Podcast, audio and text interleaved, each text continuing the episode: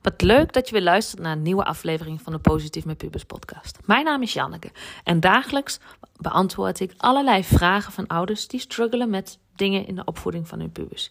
Ik beantwoord ze en in deze podcast behandel ik die vraag met jou en geef ik mijn visie erop en neem ik je mee in mijn dagelijks leven. Mocht je het nog niet gedaan hebben, abonneer je dan op deze podcast, zodat je geen aflevering meer mist. En als je deze podcast tof vindt, geef het dan zoveel mogelijk sterren of een positieve review. Hoe meer positieve reviews, hoe meer platforms als Spotify en Apple Podcasts deze podcast gaan aanbevelen aan anderen die deze podcast nog niet kennen. Daardoor kan ik groeien met deze podcast en, wat ik nog belangrijker vind, kan ik nog meer ouders bereiken met soortgelijke struggles als die van jou. Je zou me er enorm plezier mee doen, dus dankjewel en we gaan gauw beginnen. Hey, hey, yes, het is weer, nou ja, als deze online komt, is het weer maandag. Ik weet niet wanneer jij dit luistert, maar super tof. Nieuwe aflevering, aflevering uh, eh, 149, geloof ik, uit mijn hoofd. Ik ga even kijken.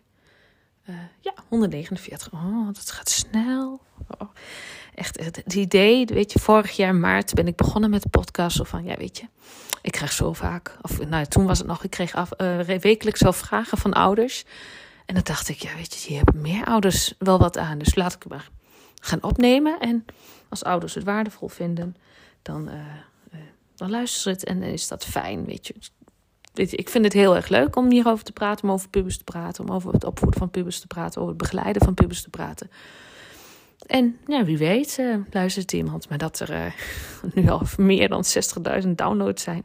Ja, dat had ik never nooit uh, verwacht toen ik begon. Ik denk, ja, weet je, als ik elke keer 10, 15 mensen kan helpen. Al is het er maar eentje die luistert, dan heb ik weer iemand geholpen. Maar dat het er zoveel waren die luisteren. Ja, dat vind ik echt super tof. Dus als ik dat nog niet vaak genoeg gezegd heb, zeg ik het nu nog een keer.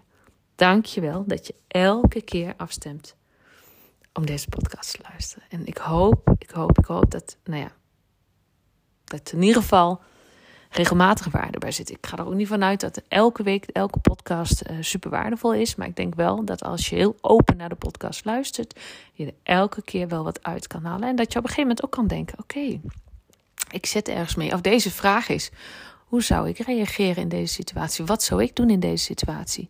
Want mijn mening en mijn visie is natuurlijk niet de visie. Natuurlijk, het is mijn manier en die werkt voor mij, die werkt voor de ouders waar ik mee werk en die werkt voor de pubers waar ik mee werk. Dus voor mij werkt die, maar dat betekent niet dat die voor jou werkt. En dat is echt ook wat ik heel erg graag wil bereiken met, nou ja, met alles wat ik doe. Dus ook met, met de post die ik deel met, op Instagram, maar ook mijn boek, met name mijn boek.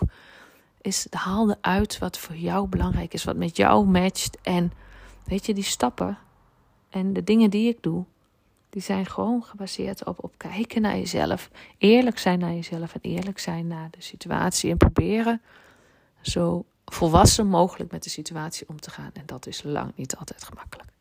Goed, nou daar wilde ik even mee starten. Uh, vandaag, uh, nou ja, als je me op maandag luistert, is mijn dochter jarig. We hebben een weekend achter de rug met uh, twee dagen verjaardag. Omdat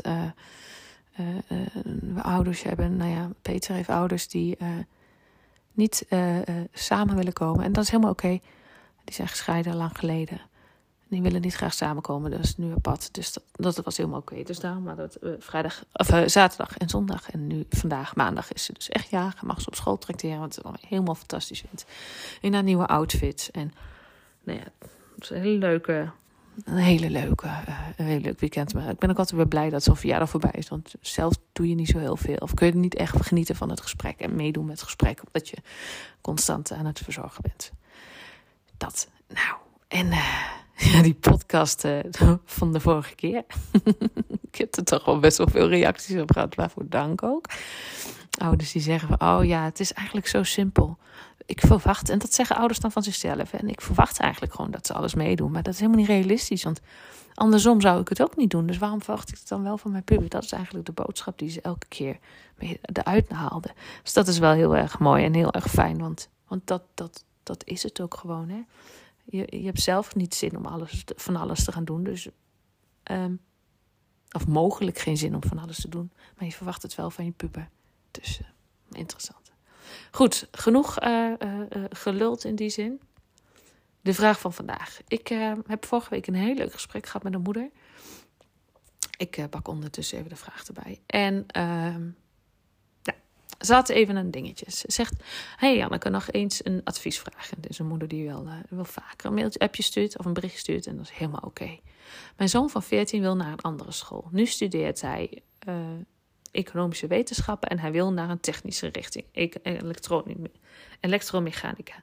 De vijf uren wiskunde vallen hem zwaar en economie vindt hij niet langer interessant. Qua arbeid zit er nog wat groeiruimte in volgens mij als hij consequent studeert en uh, oplet in de klas. Hij staat open voor planningadviezen en studeeradviezen wat ik hem geef. Toch mist hij motivatie. Zelfs sta ik voor open dat hij naar een andere school gaat. Mijn man en de grote ouders hebben twijfels. Je beperkt je toekomstmogelijkheden. De vraag die ik heb is: in hoeverre kan hij nu al bepalen dat economie niets voor hem is en technische richting wel? In zijn vrije tijd zie ik hem niet echt interesse tonen in techniek. Alvast dank voor je advies. Nou, allereerst, weet je. En dat heb ik deze moeder ook meegegeven. Ik heb altijd geleerd, en dat zeg ik nu ook heel vaak tegen pubers dat een studiekeuze, dus een middelbare schoolkeuze, een profielkeuze, niet bepalend hoeft te zijn voor je hele werkcarrière. Je kunt altijd een shift maken in de richting. Dat geldt niet alleen voor een kind, maar kijk eens naar in je eigen omgeving, je eigen leeftijdsgenoten, je, de mensen in je omgeving. Hoeveel mensen hebben op een latere leeftijd niet een studie, gedaan in een hele andere richting, die zichzelf zijn gaan omscholen om wat voor reden dan ook. Weet je, dat is helemaal niet vreemd. En, en de pubers van nu, die generatie wordt 110. Dus dat betekent als ze op hun 20ste, 25ste, misschien 30ste klaar zijn met studeren, betekent nog dat ze nou, 50, 60, 70 jaar hetzelfde beroep gaan uitoefenen. Nou, dat is toch niet helemaal heel realistisch, lijkt mij. Dus in die zin is het ook helemaal niet raar dat ze nu of nog niet weten wat ze willen, of een studie of een keuze moeten maken die bepalend gaat zijn. Dat, weet je, dat is, helemaal, is niet helemaal het geval. Dus wanneer in dit geval deze zoon nu graag een andere richting op wil, betekent het niet dat dat voor de rest van het leven zo is. Dus ja, wat ik deze moeder ook heb meegegeven is: laat hem zelf onderzoeken wat voor hem belangrijk is en waarom hij die overstap zou willen maken. Voor hemzelf. Want hij mag uiteindelijk zelf de richting bepalen die, en de richting kiezen die op dit moment bij hem past. En ik zeg daarbij ook, en dat zei ik ook naar deze moeder, bewust op dit moment. Omdat dit mogelijk kan veranderen. Wij veranderen ook van mening. Wij veranderen ook van hoe wij in het leven staan. En hoe wij kijken naar onze studiekeuze en ons werk. En, en dat is helemaal oké. Dus, en, want, ja, ik zie dat niet echt als een probleem. Weet je, als jij de keuzes die je nu maakt. Weet je, zeker studiekeuzes. Die, die, ja, die bepalen voor een gedeelte je toekomst. Maar die bepalen niet je gehele toekomst. Want dat is aan jou dat is, die keuze maak jij zelf. Wanneer jij een bepaalde studiekeuze maakt op dit moment, of je puber maakt een bepaalde studiekeuze op dit moment, bepaalt dat niet de rest van het leven. Bepaalt dat misschien nu voor de komende tijd. Maar dat betekent ook, die keuze die je dus nu maakt, bepaalt dus ook de richting die je gaat volgen. En waarschijnlijk is dat de richting die je op dit moment het meest interessant vindt. Snap je wat ik bedoel? Ik heb heel veel woorden nodig, bedenk ik me nu. Of besef ik me ook nu. Dus in die zin is het gewoon het belangrijkste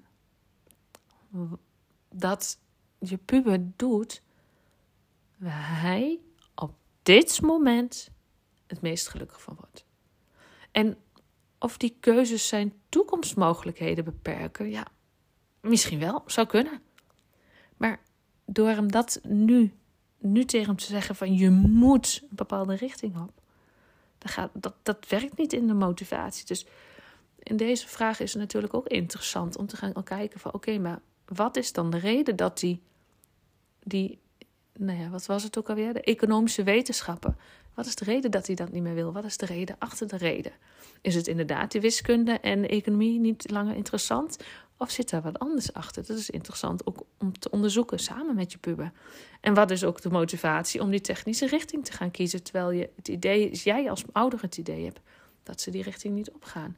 Dus um, dat is, zijn twee interessante dingen om te onderzoeken. Want je hebt de eerste keuze voor een bepaalde richting heb je destijds bewust gemaakt. Ja, ben je 14, 13-jarige, dat is bewust. Maar je kunt ook gaan kijken, oké, maar als deze niet meer past, waarom past die dan niet meer? Dat is wel interessant, zonder daar een oordeel over te hebben. De moeder gaf aan nou, dat ze heel blij was met mijn uh, reactie. En ze vroeg nog even ter verduidelijking: begrijp ik dan goed dat hij gaat ervaren in plaats van de juiste keuze te kunnen maken op basis van kennis of feiten? Merk dat ook oude overtuigingen zijn die ons als volwassenen in de weg zitten.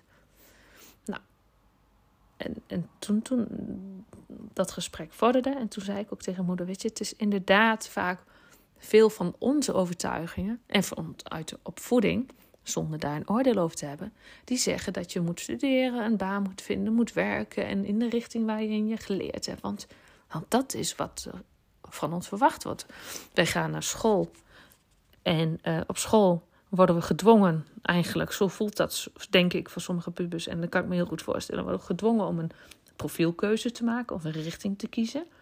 Terwijl je, ja, op die leeftijd, als puber, velen weten nog niet eens wat ze willen worden. Laat staan dat ze nu al een keuze kunnen maken op iets. Ja, ik wist al heel vroeg wat ik wilde worden. En dat is voor mij natuurlijk heel fijn. Maar dat geldt lang niet voor alle pubers zo. Dus dat, dat kun je dan ook niet verwachten. Maar ja, zo, dit is wel het, het systeem op dit moment. En ik zie het zo, weet je, het is zijn leven, het leven van je puber.